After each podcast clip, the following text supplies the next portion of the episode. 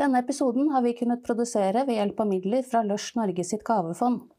Lush lager naturlig kosmetikk som du får kjøpt helt uten eller med gjenbrukbar emballasje. Og vi i Good Talks heier jo på produkter som er renere og bedre for både kroppen og planeten.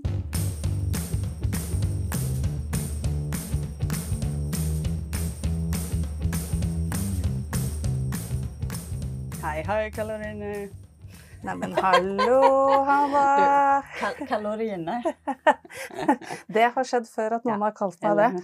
Du er, du er herved uh, unnskyldt. Eh, men uh, fra kalorier og over til dagens episode, som verken dreier seg om, om kalorier eller mat overhodet.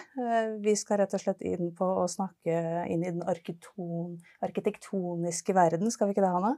Eh, jo, det skal vi absolutt. Og jeg tenker at jeg starter med en liten sånn not so fun fact. Okay. Eh, visste du f.eks. at 40% av alle klimagassutslipp i Norge og Europa, kanskje til og med verden, er knyttet til byggenæringen? 40 Mm. Nei, det, det visste jeg faktisk ikke. Jeg tenkte at det var en, en god del. Men hele 40% når man tenker på sånn, hva vi forbruker innen ulike sektorer. Eh, innen mat og forbruk av ja, mote og tekstil og alt annet som vi driver og produserer i denne verden, så hadde jeg ikke tippa 40 nei.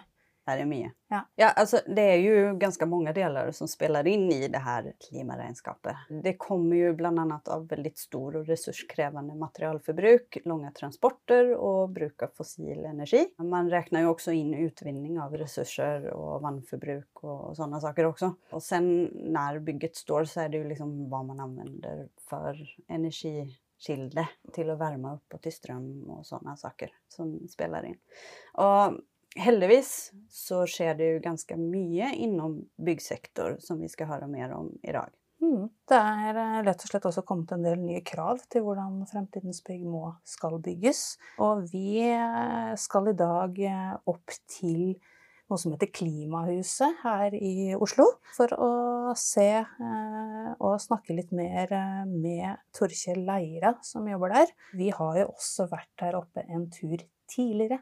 Vi var på åpninga tilbake i 2020 og fikk en omvisning av Torkjell, og da fikk vi også ideen om å lage en egen episode i podden som dreier seg om klimapositive hus, eller såkalte plusshus, som det også blir kalt. Mm. Torkjell er jo en veldig spennende menneske, og han Når vi var der, så fikk vi ju liksom delvis en omvisning av huset og av utstillingen. Begge er veldig verdt å se. Og Hanna, det her er jo også et tema innenfor ditt felt, fordi du er jo utdanna interiørarkitekt, ikke sant? Yes. Altså, i utdanningen min så var det jo blandet interiørarkitektur og eh, møbeldesign. Jeg jobber jo ikke formelt som interiørarkitekt i dag, men eh, jeg jobber med rom. Oavsett så er jeg veldig opptatt av å se meg rundt og se på bygninger og rom. Og jeg syns det er veldig fascinerende når man ser hva som skjer innom eh, Delvis når man opplever rom, men også alt det tekniske som ligger bak, og det vi ser for framtiden. Ja, det, det er jeg helt enig med deg i. At det er, eh, er veldig spennende. Eh, og vi har eh, også villet få litt bedre innblikk i hva som beveger seg blant eh, arkitektene som tegner framtidens eh, bygg. Så du, Hanna, du har tatt en prat med arkitekt Kristine Strøm Gundersen, som er partner i arkitektfirmaet som heter Lund Hagen. Og det firmaet har sammen med Atelier Oslo tegna klimahuset, blant annet. Ja, for Klimahuset er jo et såkalt future built-prosjekt. Eh, og følger kriteriene i noe som heter Zero Emissions Buildings. Og det her er noe som Kristine kommer til å forklare mer om. Ja, det er bra, fordi det er noe jeg også vil lære eh, mer om. Og i denne episoden så har vi jo også vært eh, ute på gata og snakka med folk og spurt hva de tror et eh, klimapositivt eh, eller et såkalt plusshus er for noe. Og det lät så her.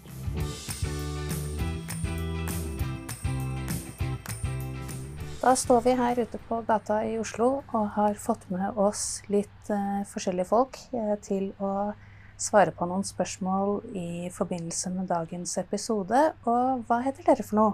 Isabel. Og Nora. Jeg heter Ida. Jeg heter Charlotte. Da begynner vi med spørsmål én. Vet du hva et plusshus er? Eh, nei. Oi, det var et nytt eh, begrep for meg. Eh, plusshus. Eh, Kanskje et bærekraftig hus? Eller et godt hus? Eller ja. Um, nei. Hvis jeg stiller spørsmålet da, vet dere hva et klimapositivt hus er? Uh, ja, sånn cirka. Er det ikke sånn et hus der hvor liksom alle blir sånn klima og sånn? At det er miljøvennlig, at det har god energirating og ikke forurenser i byggingen og oppvarming og sånne ting. da. Det var en veldig fin oppsummering av et klimapositivt hus, helt klart. Da kjører vi i gang med neste spørsmål. Hvor mange prosent av alt avfall, CO2-utslipp i Norge og Europa, tror dere kommer fra byggebransjen? Jeg tror kanskje 80. Jeg vet ikke helt. Eh, litt usikker. Kanskje sånn 50? Oi, det tror jeg er mye. Eh, jeg vil tippe 70% 40. Og svaret er 40. Og da er eh, vi på siste spørsmål. Hva tror du er inkludert i klimaregnskapet til et sånt plusshus? Jeg kan tenke meg at det har litt sånn solcelle og litt sånn naturlige måter å skape energi på på en eh, bærekraftig måte. Oppvarming, eh, bygging av maskinene som bygger huset. Jeg vet ikke. Jeg vet egentlig ikke, men jeg tror liksom det er det meste. Med liksom den solproduserende den Ja, og å produsere sin egen strøm og sånn. Nei, men Så bra. Det er eh, en god del flere ting som er eh, bra med et klimapositivt hus, men det skal vi også komme tilbake til eh, senere i denne episoden. I dag er vi altså i Klimahuset, som er en del av Naturhistorisk museum i Botanisk hage her i Oslo. Mm. Og det her huset er jo spesielt på mange måter. Både bygningen i seg selv, men også utstillingen og det som skjer inne i huset. Så derfor så har vi rett og slett eh, invitert oss selv eh, tilbake hit eh, for å høre mer om hva som foregår her, og hva som gjør dette huset så spesielt. Og til dette så har vi fått med oss Torkjell Leira, som er ansatt her. Hei, Torkjell. Hallo, hallo. Velkommen hit. Takk. Hei. Eh, vi kan starte med at du forteller litt grann om jobben din og det du gjør her. Ja, jeg har jo jobba på Naturhistorisk museum i mange år. Jeg starta her for eh, ja, sju-åtte år siden med å jobbe med forskning i Amazonas. Men de siste tre-tre og et halvt årene så har jeg jobba med Klimahuset. Eh, Helt siden den arkitektkonkurransen var ferdig i 2017. Og nå til vi åpna nå i juni 2020. Og nå, nå etter at vi åpna, så jobber jeg aller mest med arrangementene som vi har her, og med å holde utstillingene, eh, holde utstillingene oppdatert og kule. Mm. Ja. Og det er veldig, veldig artig jobb, selvfølgelig. Se den. Og det Eh, her er jo også eh, et såkalt klimapositivt bygg. Eh, Det er jo et ganske sånn relativt nytt Mm. begrep for mange. Kan ikke du fortelle litt og forklare litt om hva det betyr å Ja. være et klimapositivt bygg? Ja. Det er mange sånne begreper som er ute og går, og det er mange liksom, eh, sertifiseringssystemer og kriterier og sånne ting. Men det som er, så utgangspunktet vårt var jo at vi er nødt til å, at klimahuset er nødt til å være et klimavennlig bygg. Det er nødt til å være et miljøvennlig bygg. Hvis ikke så har, mister vi all troverdighet som formidler. Så det var det ene med det. Og det andre, sant? vi ønsker jo også å bidra til klimaløsningene og, og fremme de klimavennlige løsningene. Så eh, måten det har blitt, eh, har blitt eh, utført på i praksis, det gjelder jo det er særlig to, tre ting. Det ene gjelder materialene. Alle materiale er veldig nøye utvalgt for å, få, for å være, eh, ha et lite klimaavtrykk. Det gjelder eh, energibruken. Eh, Det aller meste av energien vår får vi fra solcellepaneler på taket. Så at vi produserer faktisk mer eh, energi her på et år enn det vi forbruker. Og det igjen hadde en føring for utstillingene. For at utstillingene hadde ikke bare et pengebudsjett å forholde seg til, de hadde et energibudsjett å forholde seg til. Mm. De kunne ikke bruke mer energi enn det de hadde til rådighet. Så at det setter litt tak på hvor mye på måte, projeksjoner og energi ja, ting som krever mye energi da, for, å, for, å, for, å, fungere. Mm. Eh, og det tredje punktet gjelder eh, transport. Hvis målet er å få 100 000 besøkende her hvert eneste år. Og klart Hvis hver, sitter, hver familie sitter i hver sin bil, sånn som på Ikea eller eh, ja, hvor det nå skulle være, så vil jo utslippene være enorme. Men klart, vi ligger på Tøyen i Oslo. Sted, to steinkast unna T-banen, ett steinkast unna trikken, ett steinkast unna bussen. Tre steinkast unna, nei, to steinkast unna toget. Eh, så at, eh, og det er jo gåavstand fra Oslo sentrum, og det, ja, det, er veldig enkelt å komme. Så Ikke forsvarlig å komme med bil. Nei, vi har faktisk nesten ingen eh, parkeringsplasser igjen utafor her. Det er helt bevisst. De er fjerna av kommunen. Det synes vi, jeg syns det er veldig bra. Men klart, noen av de særlig eldre gjestene våre klager på det. De er dårlig til beins og syns det er litt vanskelig. Det er jo forståelig. Og det skjønner man. Men klart, det er fortsatt, eh, det er fortsatt eh, parkeringsplasser. Ja. Så det er de tre tingene. Da. Det er materialbruk, det er energi og det er transport. Ja. Og så har jeg lyst til å si litt mer om det med materialbruk. Kjør på. Jeg gjør det. Fordi at, Å ta det rommet hvor vi sitter, som et eksempel. Nå sitter vi i et rom som har betong på gulvet, glass i fasadene og reflekterende stål i taket. Og ja, Så det er liksom hovedgreia.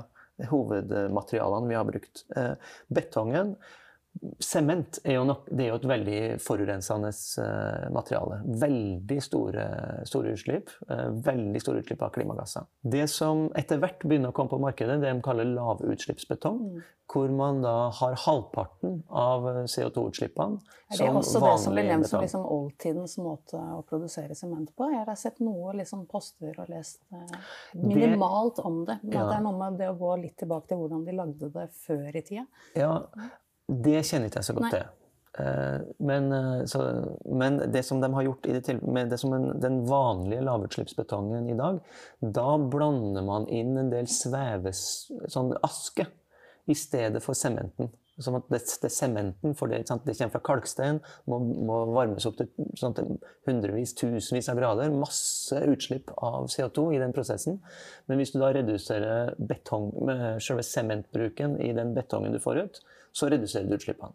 Så da, da, putter man inn i andre ting. Så at vanlig lavutslippsbetong har halvparten av CO2-utslippene. Det som etter hvert kom på markedet mens vi bygde her, det var noe, noe som nå kalles ekstremlavutslippsbetong. Hvor man også supplerer med slagg fra metallindustrien og smelteverk. Så da får du en halvering igjen. Så det som vi har, er ekstrem lavutslippsbetong som reduserer utslippene med 75% sammenlignet med sånn vanlig betong. Så det er et kjempebidrag. Absolutt. Og så får du brukt litt biprodukter òg, fra ja. annen produksjon ja. i, samme, det, i, samme, slengen. Absolutt. Ja. Så det er en sånn, enda en pluss, da, kan du si. Mm. Resten så er det med treverk. I vanlige bygg så er det jo mye stål og betong, også i reisverk og etasjeskiller og gulv og tak og alt mulig rart. Her har vi kun tre. Og det er ulike typer av ulike leverandører. Men, eh, mye klart, kortreist, ikke sant? Det er mye kortreist. Og uansett om det er noe høgd i Øst-Europa eller, i, i Finn, eller, ja, eller på, på, Finnskogen eller hvor det nå er, så er det mye lavere utslipp enn det er ved betong eller stål. Ja. Og alt andre av, av materialer vi har brukt, er, er, på en måte resirkulerte materialer der vi kan gjøre det. Som f.eks. da det, det reflekterende eh, metalltaket som vi sitter under nå. Og ja, da har jeg også, kunstverk i seg selv. Ja, men det er faktisk det. Mm. Og det er faktisk en av mine favoritthistorier ja. Klimahuset. Det er det at for vi, vi, som sitter her nå, da, og håper at de som hører på, tar, tar og besøker Klimahuset. For det er, det er et veldig vakkert bygg, ja, og det er veldig kule utstillinger. Men inni amfiet, hvis vi kikker opp i taket, så, det, så vi, da ser vi faktisk oss sjøl. For da er det 400-500 ulike sånne stål, stålplater. Med, men der er det noen svarte rundinger av vekslende uh, størrelse. Mm. Inni der er det et sånt lyddempende, akustisk dempende materiale. Og det gjør at vi kan sitte her og snakke, og akustikken er god. Hadde det ikke vært for det, så ville det vært som å sitte inn på badet med fliser i gulvet og taket overalt. og vært Ja, det var det vi frykta litt når vi kom, ja. at Men kanskje rommet ble kjempebra. litt for stort. Ja, og lyden er kjempebra. Vi har hatt konserter her og masse møter, og lyden er superbra. Men det er også et sånn grep som arkitektene har brukt. Det er liksom designen på de rundingene for vi som kikker opp. Så det, er masse, det er et slags mønster, masse rundinger av svarte rundinger i et sånt reflekterende tak. Og hvis du tenker at du drar det taket ti meter opp, da vil det kunne se ut som et sånt grovpikselert svart-hvitt-bilde. Og det er akkurat det det er. For her sto arkitektene for to år siden, tok et bilde oppi i trekronene, og har grovpikselert akkurat det bildet av tre, bladverk og greiner og sånne ting, Ja, som sto her før, uh, før eh, klimahuset ble bygd. For vi var nødt til å høgne noen trær for å få plass til bygget. Ja. Uh, Det var dessverre, men sånn men dette er da ett av mange grep for å ta liksom naturen inn i bygget igjen, og for å ja, gjøre den avstanden mellom det som er ut og det som er inn, så liten som mulig. Ja, og det er jo mye det som er så kul å se liksom, i sånne her type bygg. At bygget i seg selv har så mye å fortelle, og at det bidrar til en forståelse av hva som er inne hva som er ute. Altså, sånn, og just det her med klima som du snakker om. Og om vi tar det over till utställningen som, som det her bygget liksom skal husere og, og, hjelpe og formidle. Kan du fortelle litt om utstillingen og hva den skal bidra til? Hele klimahuset, og da er jo utstillingene en del av det, og arrangementene som vi har, og uteområdene og sånne ting. Alt som vi gjør her, skal bidra til én ting, og det er klimahandling. Vi vil at folk som besøker oss og hører om oss, og som ser oss på strømarrangementer og sånne ting, skal tenke at oi, eller skal bli motivert til, inspirert til, å gjøre mer for klimaet, for naturen, for miljøet. At folk skal bli motivert til å ta et steg til i miljøvennlig retning. Så det er det det handler om. Eh, Så er jo utstillingene, det bestemte vi jo ganske tidlig, dem skal vi lage aller mest for ungdom. Eh, eh, Så det, er liksom det at det er handling og ungdom, det er liksom to helt grunnleggende premisser for utstillingene. Mm. For det er en interaktiv utstilling. Absolutt. Interaktiv utstilling. Eh, og den har jo en, lagt opp med en viss dramaturgi, og den har tatt i bruk ulike virkemidler og sånne ting. Men alt det er jo en funksjon av at det er ungdom som er hovedmålgruppe, og det skal stimulere og motivere til handling. Så da er det ulike soner som vi dras gjennom. Og, hvor, og det som er et sånt ganske veldig bra grep, mener jeg, og som vi òg ser at det fungerer bra, at vi tar en sånn start som går mer på følelser og, og litt sånn fine, litt sånn, litt sånn kunstneriske, vakre opplevelser. Både gjennom bilder og videoer og en del svære projeksjoner. Det er jo nesten litt dumt at det her er et, eh, en podkast. Skulle jo gjerne vist de fantastiske videofilmene. Ja, men alle Som- våre lyttere kommer og kommer hit De gjør det? og Oi, ja, det men så bra! Så Så kommer vi også til å poste litt eh, i våre Ja, sosiale mediekanaler. gjøre. Vi viser litt til hva dere holder på med her oppe. Ja, det er veldig bra. Ja. Det er veldig bra. Og etter hvert så er det bare å google Klimahuset, så kommer det jo opp masse kule bilder der. Men fantastiske utstillinger. Men det betyr at liksom møtet med Klimahuset og utstillingene er litt sånn kryptisk og litt sånn indirekte og går veldig mye på liksom hjertet og det emosjonelle. Helt bevisst for å liksom ikke pepre folk med altfor mye fakta og data og tall og vanskelige begreper med en gang. Sant? Folk, faktisk Halve utstillingsarealet har, har publikum opplevd før vi begynner liksom med det mer rasjonelle og fakta og forskning. For det er jo vi som, et, eh, som en del av Naturhistorisk museum, som igjen er en del av eh, Universitetet i Oslo, så er det forskningsbasert kunnskap vi formidler. Det er vårt mandat, og det er det vi liksom elsker å drive og formidle. Så det er masse forskning både på klimaendringer som skjer i dag, klimaendringer som har skjedd i geologisk tid, men også inspirert av forskning på psykologi og kommunikasjon og museumsopplevelser. Hvordan formidler vi det her på en god nok på en, eller på en best mulig måte. Så liksom Midtpartiet er et mer sånn rasjonell Det, det taler litt mer til huet og, og, og det rasjonelle. Og, og da er det klimaforskninga og hva, hva er det faktisk som foregår? Hvordan vet vi alt vi, vi, vi påstår at vi vet? Hva blir konsekvensene av det? Da er det ulike virkemidler igjen hva som man gjør det på. Eh, veldig mye interaktivitet og ulike lag. Man har leid seg litt fram til, til, Vi er jo, til har vært så heldige og tatt, tatt den runden, eh, Ja. og syns det var kjempespennende. Ja, det var og det. ikke minst artig. Så bra. Og det er også mulig å ta på ting. Ikke sant? Et tradisjonelt naturhistorisk museum har jo mantra, og det, man kan ikke ta, man skal bare se. Her vil vi faktisk at folk skal ta på og kjenne på og snurre på og dytte og dra og kikke under og over og trykke og ja, skanne og alt mulig rart. Mm. Det gir oss jo nå selvfølgelig litt ekstra utfordringer med korona Ja. og smittevern og sånne ting, men det har vi løst. Ja. Så at det er åpent, og folk kan komme hit helt trygt. Ok, Men så Det starter med en litt sånn, mer sånn følelsesverdibasert intro, mer enn rasjonelt midt, midt, midtparti. Og så avslutninga veldig sånn handlingsorientert. Da handler det om løsninger.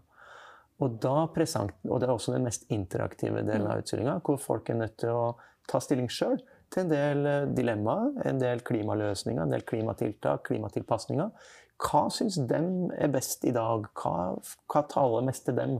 Det er veldig sånn testing, eller selvtesting Ja, på noen oppfatt- ja, hvor noen man står, eller hva man kan gjøre. Og, Det er absolutt det. Er absolutt det sant? Hva kan man gjøre? Eh, Noen oppfatter det mer som en personlighetstest, og det, vi har tenkt på det som det.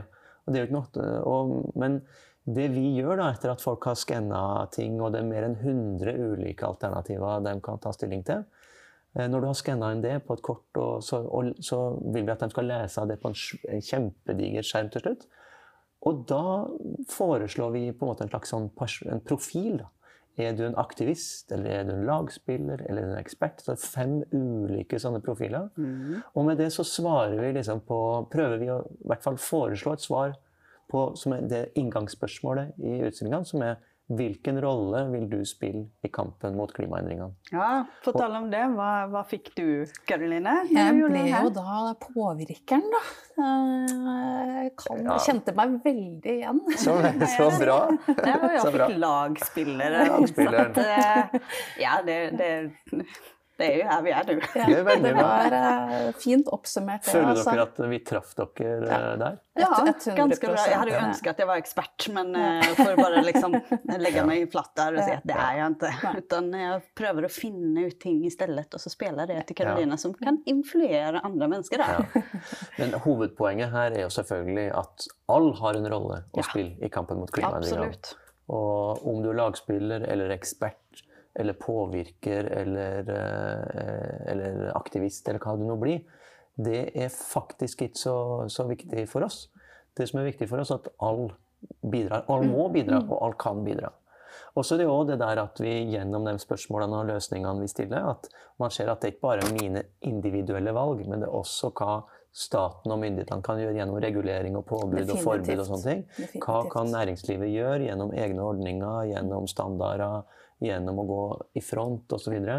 så at eh, der å prøve å finne en, liksom en sånn god balanse mellom det individuelle og så det store politiske, ja, økonomiske forholdene som også må til. da. Ja, for det er jo den felles dugnaden vi står i. eh, Og hvis jeg husker rett, så har dere også en del, eh, altså en egen utstilling her på huset som oppdateres. Ja, Var det to ganger i året? ja det stemmer. Som dreier seg om da hvor vi står i forhold til å nå bærekraftsmålet? Eller? Det, ikke nødvendigvis Nei. det, eh, men det er dagens forskning er overskrifta på det. Mm. Så den, eh, og der vil vi jo ha hvert halvår nye forskningsprosjekter eller nye forskningsaktører som presenterer helt, helt oppdatert forskning. Så det som står der nå, handler liksom om eh, hvordan et varmere klima fører til endringer i naturen, og hvordan det igjen påvirker ja, hvordan vegetasjonen påvirker atmosfæren, og hvordan eh, endringer i isforholdene igjen påvirker temperatur. Så det er en del sånne Det er det som i, i klimaforskningssjargongen kalles positive tilbakekoblingsmekanismer. Eller som vi, av, vi da har oversatt det til onde sirkler. Det er sant? For eksempel, Ja, sånn det blir varmere, Ja, Isen, isen smelter, da blir over, jordoverflata mørkere. Mørkere overflate tar opp mer en- energi. Det blir varmere, og da smelter mer is igjen. Så det er en typisk sånn ond sirkel, eller da en sånn positiv tilbakekoblingsmekanisme, som det heter i forskningen. Det kjennes känns fel at det heter noe som har med positivt å gjøre, for det er jo veldig negativt Ja, ja, ja. Og det er faktisk litt enkelt å misforstå. Men det er jo klart, det handler om at det er jo vår jobb sant? Vi skal lage utstillinger som skal være enkle å forstå og inspirerende å gå i og vakre å oppleve og sånne ting. Ja. Og det driver vi jo nå og snakker med publikum om. Får vi det til? Eh, Det er kjempespennende. Ja, det er fint med de tilbakemeldingene. Men i tillegg til at dere har fysiske utstillinger, og at huset står her, så har dere faktisk også noe som er tilgjengelig for alle via nett som er Kaffe og Klima. Ja. Kan du fortelle litt om det? Ja, Kaffe og klima er jo ett av mange arrangementer Ja. som vi har. Eh, Og Kaffe og klima det har vi faktisk starta med før vi åpna Klimahuset. Det har Vi gjort, vi har jo jobba med det her i fem år. Eh, Og stadig mer og stadig flere folk som er kobla på det. Så Kaffe og klima er et sånt fast arrangement vi har kjørt nå i over et år, som eh, hver første torsdag i måneden. Hvor vi tar opp ett aktuelt eh, tema. eh, som har med klima å gjøre. Det kan være forskning, det kan være mer eh, klimasøksmålet som eh, er oppe i Høyesterett. ikke sant? Eh, Det kan være andre ting. Og det vi hadde sist nå, det var om eh, medias rolle i klimaspørsmålet. Så da hadde vi en samtale med Ole Mattismoen, en, liksom en skikkelig nestor, en av de store klimajournalistene i Norge, som har jobba med det her i Aftenposten helt siden slutten på 80-tallet. Så det var en kjempeartig uh, samtale som, uh, som vi hadde. Så det var veldig bra. Og så er det en liten fugl som har uh, meg i øret at eh, dere òg snakker med han. Kan stemme det? Ja, Vi er ikke helt, eh, i, helt i dialog enda, men vi har, eh, jeg er jo sånn som prøver å ja, touch base med Ja. interessante mennesker, eh, og eventuelt via eller ulike kanaler, og nå Ja. da via Facebook. Så vi har nå i hvert fall blitt såkalte venner i hermetegn eh, der. Ja, og nå efter at det här, den episoden blir lansert, så har han jo ingen valg. Nei, da Eh, har er han jo stille, ikke Ja. da, og da skjønner en jo hvor bra det er. Ja. Selvfølgelig. Det er nettopp det. Ja. Eh, Men det er bare et eh, eksempel da, på arrangementet. Og faktisk neste, da er det med Gina Gylver fra Natur og Ungdom. Ja, Hun er også på vår eh, gjeste, ønskegjesteliste, faktisk. Ja. Får bare snakke mer med oss, altså. Så vi kommer nok til å ha mer med hverandre å gjøre, og vi vil også komme og delta på arrangementer her. Og på Det kan få klima, så er det vel også sånn at hvermannsen via Facebook-arrangementet eventuelt kan melde seg på. Ja da, der der kan man komme- komme fysisk, Ja. så der følger vi jo liksom de eh, reglene som gjelder til enhver tid. Ja. Så man kan komme fysisk, eller man kan strømme. Det er igjen bare å google, så ligger jo alt ute på nettet, og det kan man finne på. Vi skal også lenke til det. Og det er jo ingen tvil om at du Man merker jo når du uh, snakker og forteller at du, er, uh, at du brenner for og er veldig engasjert uh, for klima i klima, klimasaken. Ja. Og du har jo også bodd i Brasil tidligere og gitt ut noen bøker og har kommet med en ny bok i år. Ja, Men kan jeg få lov til å si én ting Ja. først? Fordi at Vi har snakka om utstillingene, vi har snakka om bygget, vi har snakka om arrangementene. Men en superviktig ting er jo det at vi tar imot skoler. Ja. Eh, hver og barnehager. Så hver, nesten hver eneste dag så har vi skolegruppa og barnehagegrupper her. og det Og de kan komme måte- gratis også, ikke sant? gratis, Ja. de kan booke seg inn hos oss, og da har vi supergode opplegg. Og Mm. den for skolen er jo nå basert i de helt nye læreplanene som har kommet ut for skolen. Eh, Så det kan bare anbefale. Mm. Eh, Det er gratis, og det er kjempegode opplegg. Så hvis det er noen lærere eller barnehagelærere eller foreldre eller til og med elever ute der, så ta og ja, søke oss Man må opp. kontakte Klimahuset. Ja, Mhm. gjør det. Og så kanskje også eh, lese den eh, siste boka di. Ja, å, så hyggelig at du nevner det igjen. Må komme inn på Ja, for du er jo forfatter i Ja. tillegg. Ja. Det er Ja, du nevnte jeg har, vært, jeg har bodd i Brasil i mange år, og så har jeg Det starta med at jeg var der som utvekslingsstudent på videregående. Eh, Da havna jeg i Brasil, og det var liksom et stort lykketreff. fordi det var en sånn superklaff. Jeg elska det og fikk masse gode venner. og ja, Det første jeg gjorde etter at jeg var ferdig på videregående, var å dra tilbake til Brasil. Og alt jeg har drevet og studert og jobba med, har hatt en eller annen link til Brasil, eller i hvert fall Amazonas eller Sør-Amerika. Eh, også sånn privat. Jeg har holdt på masse med capoeira og spilt musikk i band og spilt på Sanova og samba. Og, så det, har, det er liksom en svær snøball da, som bare ruller og ruller videre. Så nå så har jeg skrevet to bøker om Brasil og Amazonas. Den siste kom nå i år. Den heter 'Kampen om regnskogen'. Mm. Kom på et veldig kult lite forlag som er litt så lite, mellomstort forlag nå, som heter Res Publica. Gir ut mye veldig god sakprosa. Det er liksom spesialiteten til det forlaget. Og den handler om eh, Norges dobbeltrolle i Amazonas. Eh, og det store paradokset hvordan vi bruker mange milliarder kroner eh, hvert eneste år på å støtte på å beskytte regnskogen i Amazonas og på å fremme urfolks rettigheter og menneskerettigheter i, i Amazonas. Men samtidig så bruker vi da Norge, AS Norge, staten og, og industrien og sånt satt til sammen, mye mer penger. Eh, Fem ganger så mye penger faktisk på de sektorene og de selskapene i Brasil som ødelegger mest regnskog. Så det er en kjempesjølmotsigelse, et kjempeparadoks, trygt, trygt si som eh, vi i Norge må ta, ta mer seriøst i fremover. Så Mm. mitt liksom, veldig enkle budskap er at vi må gjøre mer av det bra fremover. Vi må bruke enda mer midler på å beskytte regnskog og fremme menneskerettigheter. Mm. Men vi må bruke mindre penger på de aktivitetene som ødelegger regnskogene, og som truer urfolks rettigheter. Ja. Beskytte ressursene i naturen, eh, rett og slett. Absolutt. Ikke over, overforbruke de. Ja, det, og også men rett og slett grunn, helt grunnleggende ja, menneskerettigheter. definitivt. Da blir jo dette denne episodens boktips, helt Ja. enkelt. Ja. Det må det være. Julegave kanskje, eller noen bursdagsgave til noen snart. Absolutt. Eh, Kjøp boka, helt Ja. enkelt. Og så da til slutt, så eh, Når vi snakker om eh, ja, overforbruk og konsumering spesielt, eh, så har jo vi et lite innslag her i poden som heter Love story. Yes. Og da ber vi rett og slett gjesten om å ta med seg enten et klesplagg eller eh, et objekt, eller eh, Ja, vi har vel også snakket om møbel, men vi har Ja, tidligere at det blir litt vanskelig ja. å ta med seg det Det er helt ok møbelet. å ta bilder av saker og ting, altså, Ja. for att eh, det er ja, det, Mm. vi skal jo enda legge det på sosiale medier og på internettet og da er det jo bedre med et bilde enn å sende folk et Ja. hjem så de får se på det. Men jeg har jo da valgt et eh, klesplagg, Ja. og det er et klesplagg som jeg er veldig, veldig glad i. Eh, eh, kan ta historien først, da, før jeg kommer til liksom, hvordan, hvordan det er og hvorfor det er så bra.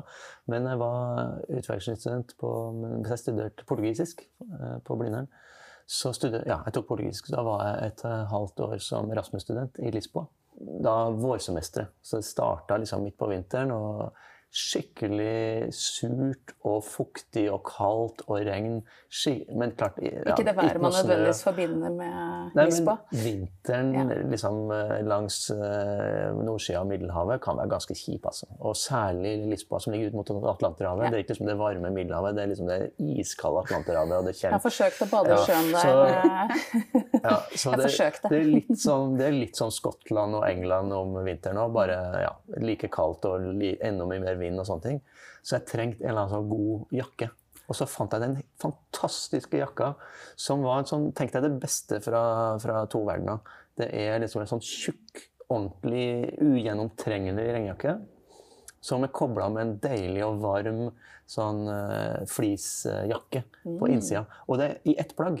Og jeg har faktisk aldri før eller siden sett et så bra plagg. Verken i Portugal eller i Norge eller, eller andre steder. Så det er en sånn tjukk sånn, eh, ja, tjukk sånn gummijakke Ja. med kledd i et sånn skikkelig deilig fôr. Og så syns jeg den er veldig kul òg. Den har liksom nå gått gjennom et par motebølger, selvfølgelig. Det er en sånn grønn Ja, for, for cirka hvor gammel er den Nei, den er, jakka blitt den er faktisk eh, over, Den er 20 år nå. Ja. Mm, imponerande. Eh, vent litt. Er 20 år? Jo, det må være, jo, den er 20 år. 99, tror jeg det her var. Ja. Kan det ha vært 99? Ja, 99. Så den er 21 år. Og den har jo holdt seg fram til nå. Og så er den i en sånn litt sånn eh, spesiell grønntone, da. Jeg vet ikke helt hva jeg skal kalle den, men en er litt sånn ja, litt sånn blanding av irrgrønn og signalgrønn. Oh, spennende. Eh, ja.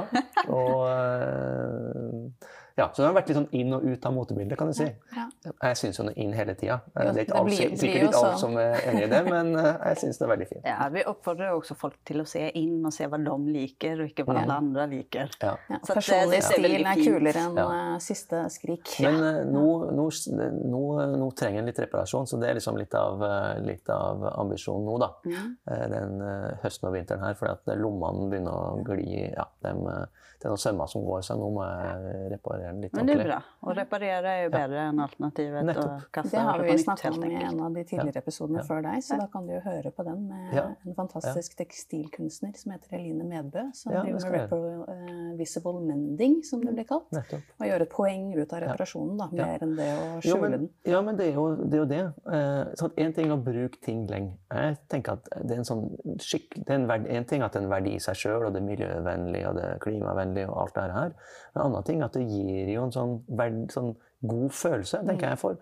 Når jeg tar opp et plagg som jeg har hatt, eller et plagg, og gjerne litt sånn eh, fjell, anorakka og fjellsko og sånne ting, og liksom tenker jøss, det har jeg brukt i ti år. Ja. Så kult. Ja. Wow, jeg er skikkelig stolt og skikkelig glad. Og den jakka som jeg da har hatt i 20, tenker jeg, jøss, for et kult, eh, for en kul jakke, liksom. Og så mange gode Ja, minner og så gode historier. Ja. Og nå har jo tida flydd, som vanlig. Ja, den gjør jo det. Så, men jeg tenker at absolutt siste, tre kjappe tips på en grønnere livsstil. Ja, vi får begynne da med der vi var. Liksom, rep bruk klær lenge, reparer klær lenge. Og hvis du skal, hvis du skal ha noe nytt. Bytt. At man heller bytter eller går på Mm. bruktmarked og sånne ting. At eh, vi er nødt til å komme bort fra den der bruk og kast-kulturen som vi er en del av. Mm. Det er ikke så enkelt, for det er, ganske sånn hardt press på konsum og sånne ting i samfunnet vårt. Så du tenker på så mye, mye eksponert vi er for reklame og sånne ting, og at masse klær og også andre produkter er lagd for at de skal gå i stykker etter kort tids bruk. Det er jo helt, er jo helt høl i huet. Så liksom, det er jo én ting. Så tenker jeg at eh, det andre i liksom folks eh, eget liv er jo det med, det er jo det med mat. Det, den maten vi spiser, er kanskje et av de sterkeste måte, signalene vi gir. Og her har folk hørt før. Det med rødt kjøtt er det vi, som er mest forurensende for klodens klima. Nå, heldigvis, mange år på rad så har nordmenns forbruk av rødt kjøtt gått ned. Det er kjempebra. Det tror jeg i veldig stor grad er pga. klimaet. Også har du det med dyrevelferd og sånne ting, selvfølgelig. Men jeg tror at Så har det god helseeffekt også. Vi skal jo egentlig ikke spise så fryktelig mye Ja, for, sånn, må, hvordan det da har eksplodert, det kjøttforbruket liksom de siste tiåra, det er jo ganske Ja, det, ja vi har fått mer penger og sånne ting, men det, vi, vi trenger det ikke. Det er faktisk eh, bedre for oss, bedre for helsa, det er bedre for planeten, det er bedre for lommeboka osv. Så, videre. så Och det, så har det kommet mange nye bra alternativer som gjør det enkelt også. ja, så det, det er veldig enkelt å spise mye mindre kjøtt. Men så tenker jeg at sant, det er ikke bare opp til oss som individer eller som forbrukere. Og det er vi veldig obs på her når vi har laga utstillinga. Det har vi tenkt masse på. Hvordan skal vi unngå å gå i den fella at det bare sparer dusj og rødt kjøtt og sånne ting. For sant, det store avgjørelsene er det jo de store aktørene som tar. Og det er de store næringsmiddels... Eller store private selskapene. Eh, Det er de regjeringssjefene rundt omkring. Sant? Det er så da gjelder det liksom å snakke så tydelig og høyt som man kan til dem. ikke sant? Man kan ta en god gammeldags, et godt gammeldags les- lesebrev Ja. eller et Facebook-innlegg hvor hvor du tagger næringsministeren eller olje- og energiministeren. Jeg tagger i vei, jeg også, når sant? jeg poster. Og etterspør Eh, diverse ja. Endringer og Så, regelverk. og så gjelder det ikke, sant, ikke minst hvem man stemmer på. Man må stemme på de mest miljøvennlige partiene. De fins både på høyresida og på venstresida i sentrum, så stem på dem som er mest eh, miljøvennlige. Og så må jeg legge til en siste ting. da. Det blir tre, og- tre og en halv. Men det, det, for det er litt sånn, litt sånn, en liten sånn fanesak for meg. Snakk om det. Ja. Snakk om det. Mm. For det, det, det, noen ganger og sånt, så det er litt sånn vanskelig å ta opp sånne klimating og miljøting. For det blir litt sånn Å, det er litt sånn du moralist, eller det er litt sånn, å, du er sånn, litt sånn tilbakeskuende. I hvert fall, det, det var kanskje litt mer sånn før, Mm. for noen år siden. Nå begynner det å bli At det presser seg fram. ikke sant? Jo mer vi snakker om det, jo bedre er det. altså. For at ja. liksom, når de tingene blir skyvd under teppet, eller havner bakafor, liksom litt sånn bak i pannebrasken, som nå, under covid-19-krisa, da havner det litt sånn bakpå.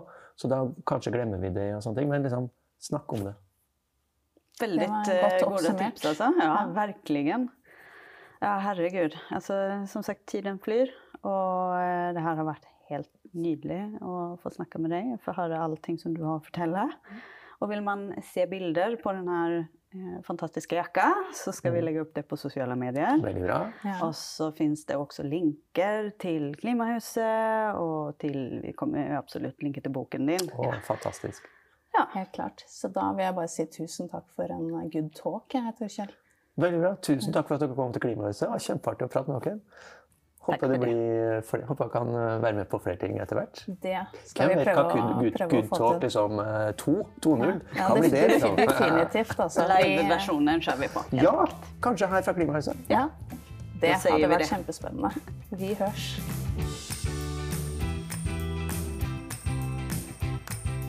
Var så gøy å være tilbake på Klimahuset og bli bedre kjent med Torkjell. Og for de av dere lytterne som ikke har eh, fått med dere Klimahuset eller besøkt det enda, så eh, vil vi absolutt eh, anbefale å ta turen innom. Mm. Om ikke annet så kan man jo lære seg ganske mye der. Ja. Eh, Någonting som er veldig kult med Klimahuset som eh, vi har fått med oss er jo også at all energi som Klimahuset produserer, for de produserer faktisk egen strøm med sina solcellepaneler og sånne saker, er at det de ikke bruker, går til å varme opp Naturhistorisk museum, som ligger rett ved siden av. Og det her er jo kun en av mange løsninger man har i dette bygget, og det skal vi nå høre mer om fra arkitekten Kristine Strøm Gundersen fra Lund hage.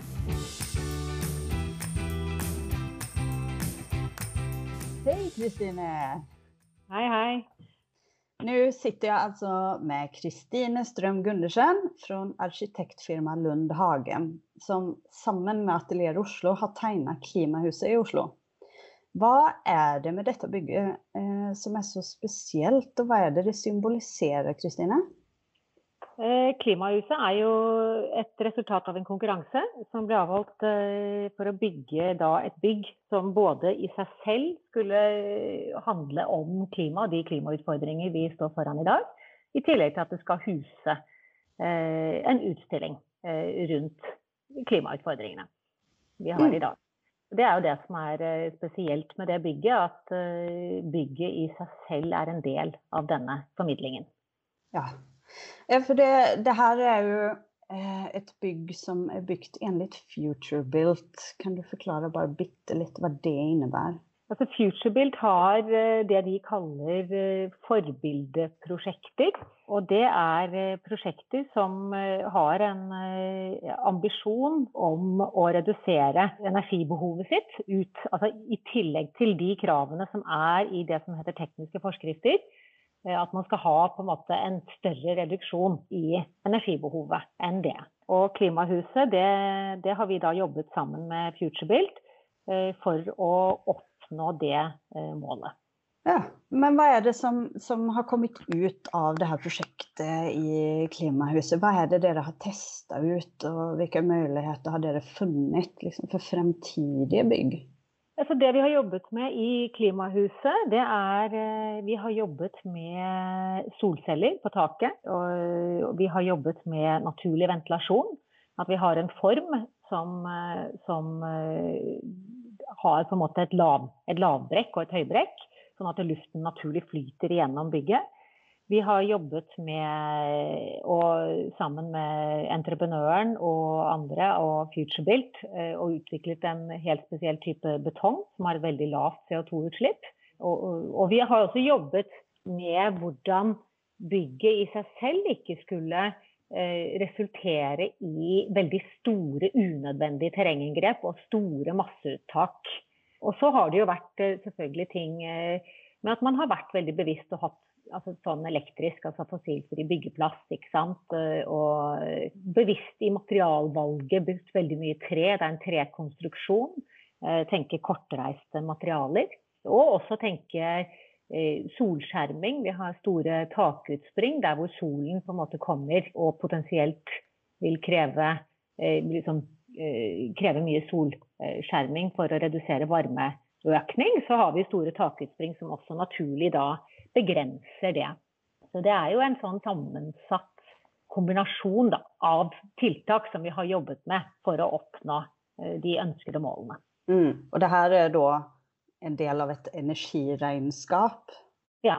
Så da regner man jo på, man jo på både liksom alt fra egentlig eh, transporten til eh, Altså man regner fra hvordan byggeplassen har fungert, de materialene man har valgt og deres på en måte egenskaper. Og man eh, jobber også som en del av et sånt regnskap. Så er det veldig viktig også hvor bygget ligger. Hvordan kommer folk til og fra dette bygget? Eh, ikke sant? Bruker de bil? Går de? Sykler de? Her er vi jo på en måte midt i byen, så sånn sett så, så er det jo bra for et energiregnskap at eh, her vil jo folk kunne komme til på sykkel og til fots.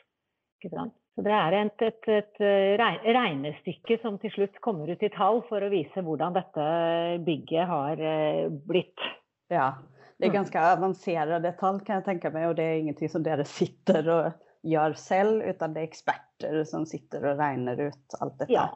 Altså, vi jobber jo med eksperter og konsulenter som jo er eh, fagfolk innenfor alle de forskjellige eh, bransjene.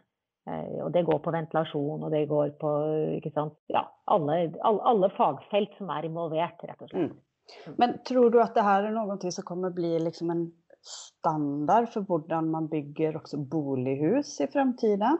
Altså det er jo Per i dag så er det jo eh, regulert i forhold til eh, at vi har det som heter tekniske forskrifter. Der står det jo ganske strengt hvordan ting, altså hvordan bygg skal bygges. Mm. Og hva som, hva som gjelder. Og der er det jo energikrav.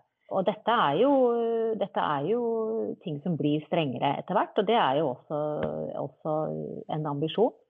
Så jeg tror jo at eh, det vil bli mer og mer aktuelt, eh, og man nærmer seg mer og mer det som heter på en måte passivhusstandard. Mm. Eh, som vil jo bli mer normalt og, og attraktivt, vil jeg tro, i framtiden. Ja, det tror jeg òg. Men om man säger att, altså, alltså, nu är det ju inte alla som ska bygga nya hus utan man kanske sitter med ett hus som man ska pussa upp eller en lägenhet eller sådana saker. Vad, eh, har du något tips på vad man ska tenke på når man eh, pusser opp, f.eks.? Altså, jeg liker jo å, å, tenke at man skal være litt kritisk til egne behov. Eh, at man skal tenke nøye gjennom hva man faktisk trenger å gjøre. Sånn at man ikke For det tenker jeg at i, i forhold til en sånn bruk eh, og kast-mentalitet, så, så, er det jo litt uheldig at man eh, til enhver tid skal fornye noe som kanskje egentlig kunne levd veldig mye lenger. Mm. Og at man istedenfor å bytte ut et helt kjøkken, så kunne man jo f.eks. bare malt frontene. Eller man, altså det er litt viktig at man bare rett og slett er litt kritisk i forhold til hva man faktisk må gjøre. Ja, Man tenker eh. igjennom det et par ganger innan man faktisk starter? Ja. Og det, det, går jo litt sånn på mengde, tenker jeg. Og det, det er jo eh, et miljøtiltak. I tillegg så syns jeg det er viktig det at man tenker litt nøye gjennom hva man bruker av materialer. Det gjelder jo både nybygg og oppussing. Å være litt sånn bevisst materialets egenskap. Er det noe som eh, flys inn fra andre siden av verden? Er det kortreist? Vi er veldig bevisst eh, dette eh, Vi har blitt mer og mer bevisst om kortreist mat og på en måte gleden av det, og hjemmedyrking og alt. Og, og sånn sett så syns jeg at man i dag burde bli like bevisst hva gjelder materialer. Rett og slett overflatematerialer, maling. Hvor kommer det fra? Hva inneholder det? Er det, er det sunt å ha det på veggen? Er det noe som er skadelig? Og det, det, tror jeg også vil En bevisstgjøring vil jo også bidra positivt i forhold til klima. Mm. Eh, og at man eh, ikke velger ting som nødvendigvis er skadelig. Nei. Når det gjelder maling og sånt, jeg bare tillegger det, så, så har jo Svanemerket ganske bra eh, riktlinjer og merking på just det når det gjelder ja. skadelige stoffer. Ja, nettopp. Og det tror jeg, men jeg tenker at det bare er viktig at folk er litt bevisste, for jeg tror mange, mange handler eh, litt blindt. Og så er det jo noe med at velger man materialer som har eh, altså si treverk og sånn, som er på en måte kortreist og er lokalt, så, så, kan man jo også tenke seg at det vil jo liksom være godt nok. Ikke sant? At man ikke mm. bruker regnskogmaterialer som eh, blir fløyet inn fra andre siden av kloden, ikke sant. Det høres jo helt idiotisk når man sier ja, det. Sånn, og det, og det er jo, det, men, ja, men det er jo en realitet. Man, eh, det er jo sånn vi på en mm. måte opererer. Og det, det, det, er jo også selvfølgelig Noen ting vil man jo på en måte, måtte få inn langt veis fra. Men, eh, men akkurat hva gjelder oppussing, så er det jo eh, fint å tenke litt lokalt. Og så mm. syns jeg det er interessant dette å, å, å tenke gjenbruk, dette med sirkulærøkonomi det at man eh, i dag har eh, de mulighetene. At det blir mer og mer aktuelt. Det blir jo både på veldig store prosjekter og, og ned i mindre skala. Og der syns jeg det er veldig interessant dette på, på Svartlamoen så er det jo bygget et prosjekt nå som jo er gjenbruk av vinduer og vegger og den typen ting. Og det har vært mye publisert i Trondheim. Og det, det er jo ganske spennende sånn altså, Estetikken kan man jo alltid diskutere, eh, og alt behøver ikke å se likt ut. Men jeg tror tanken, det at man igjen blir litt bevisst at det er mulig å bruke ting på nytt. Ja. ja. Også i bygningsmassen. Nettopp. Ja. Nei, men eh, det er utrolig flotte tips. Eh, ja. Og det har vært kjempespennende å prate med deg. Nå måtte vi dessverre legge på. Så takk så mye. Og takk for at jeg fikk komme. Så, ja, så snakkes vi en annen gang. Ja, ha det bra. Ha det!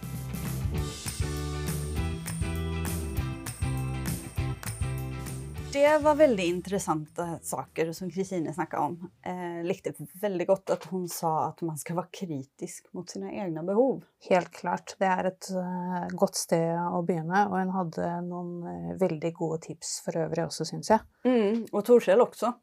Og som han sa, at vi måtte alle bidra. Det er vi veldig enige i. Jeg syns også at det var veldig kult at han foreslo at vi kan ha flere innspillinger i Klimahuset. Ja, det er virkelig noe vi skal ta han på ordet på og benytte oss eh, av. Kanskje vi til og med kommer til å kjøre noen liveinnspillinger der i fremtiden Mhm. òg? Det fins det planer om. Ja, det eh, hadde vært eh, utrolig gøy å få til. For på hus, Klimahuset, som vi snakket om med Tore Kjell også, så huser de mange ulike typer arrangementer. Så ja, oppfordrer igjen også til å følge med på de på Facebook. Eh, Så eh, blant annet, og vi kommer også til å linke til de i vår eh, Instagram, så ta turen innom Klimahuset, gjerne flere ganger i løpet av året, vil jeg si. Mm, for de, har jo, de oppdaterer utstillingen med jevne mellomrom, og en del av denne utstillingen heter jo Dagens forskning. Eh, den blir oppdatert en gang hver sjette måned. Mm. så det er jo også verdt å få med seg. Helt klart. Og en ting som Torkjell sa som jeg beit meg merke i, det er at Norge eh, legger igjen fem ganger mer penger på aktiviteter som ødelegger regnskogen, enn det vi bidrar med eh, for å bevare den i året. Ja, det er rett og slett sjokkerende. Ja, skikkelig sjokkerende og ganske så trist, egentlig. Så fra ja, litt mer sjokkerende så må vi prøve igjen å fokusere på hva vi kan gjøre eh, av enkle grep i egne liv og våre egne hjem. Og et enkelt grep som eh, en da kan gjøre for å få et litt mer klimapositivt eh, eller klimasmart hjem, det er jo å f.eks. bytte strømleverandør til noen som leverer litt eh, grønnere strøm. Og selv så bytta jeg til noen som heter, en leverandør som heter Fortum, som jeg har brukt i flere år nå. Og det er, eh, gir en god følelse, for da føler jeg rett og slett at eh, hjemmet mitt er hakket grønnere. Mm. Det blir nå flere og flere grønne hjem fremover, får vi håpe. Og et eh, alternativ er jo også å ha mindre ting og mindre plass. For å flytte inn i så kallat mikrohus er det flere og flere som gjør. Kunne du tenkt deg det, Caroline? Ja, altså nå har jeg faktisk vært inne i et sånt eh, mikrohus, eh, og det er jo en eh, Ja, det er jo rett og slett ganske mikro. Det er lite. Og det lille Bitte lille mikrohuset jeg var inne i, det som slo meg da, er at jeg digger jo konseptet, og at eh, det at når man har mindre plass, så blir det naturlig å ha mindre ting, og det er noe jeg har blitt mer og mer oppmerksom på, på de siste åra at jeg ikke vil ha mer og mer inn i hjemmet mitt, for det blir virkelig bare det at eh, tingene eier meg i så måte. Det er mer ting å tørke støv av, and so on. Not my favorite activity, akkurat. Eh, men det som også er, da, er at jeg er jo selv om jeg er sosial og utadvendt, så er jeg også introvert.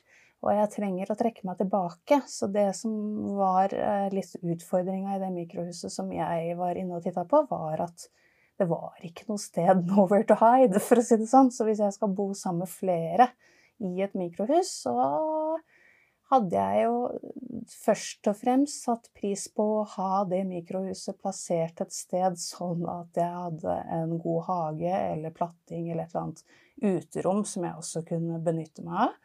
Men jeg tror nok jeg også hadde hatt behov for et rom innendørs som jeg kunne trukket meg tilbake på. Altså, det er vel sikkert ikke en løsning for alle, helt enkelt. Jeg har lyst eventuelt å gjøre det, men min eh, sambo er ikke helt enig i Og det. du prøvde virkelig å selge, selge inn dette? Ja, jeg forsøkte det, men det gikk så der bra. Ja. Så eh, vi får se hvordan det blir i framtiden. Eh, men mikrohus skal vi jo med største sikkerhet snakke om i en annen episode lenger fram. Det skal vi. Eh, Og med det så sier vi rett og slett eh, takk for i dag. Ja, Ja. Til neste gang.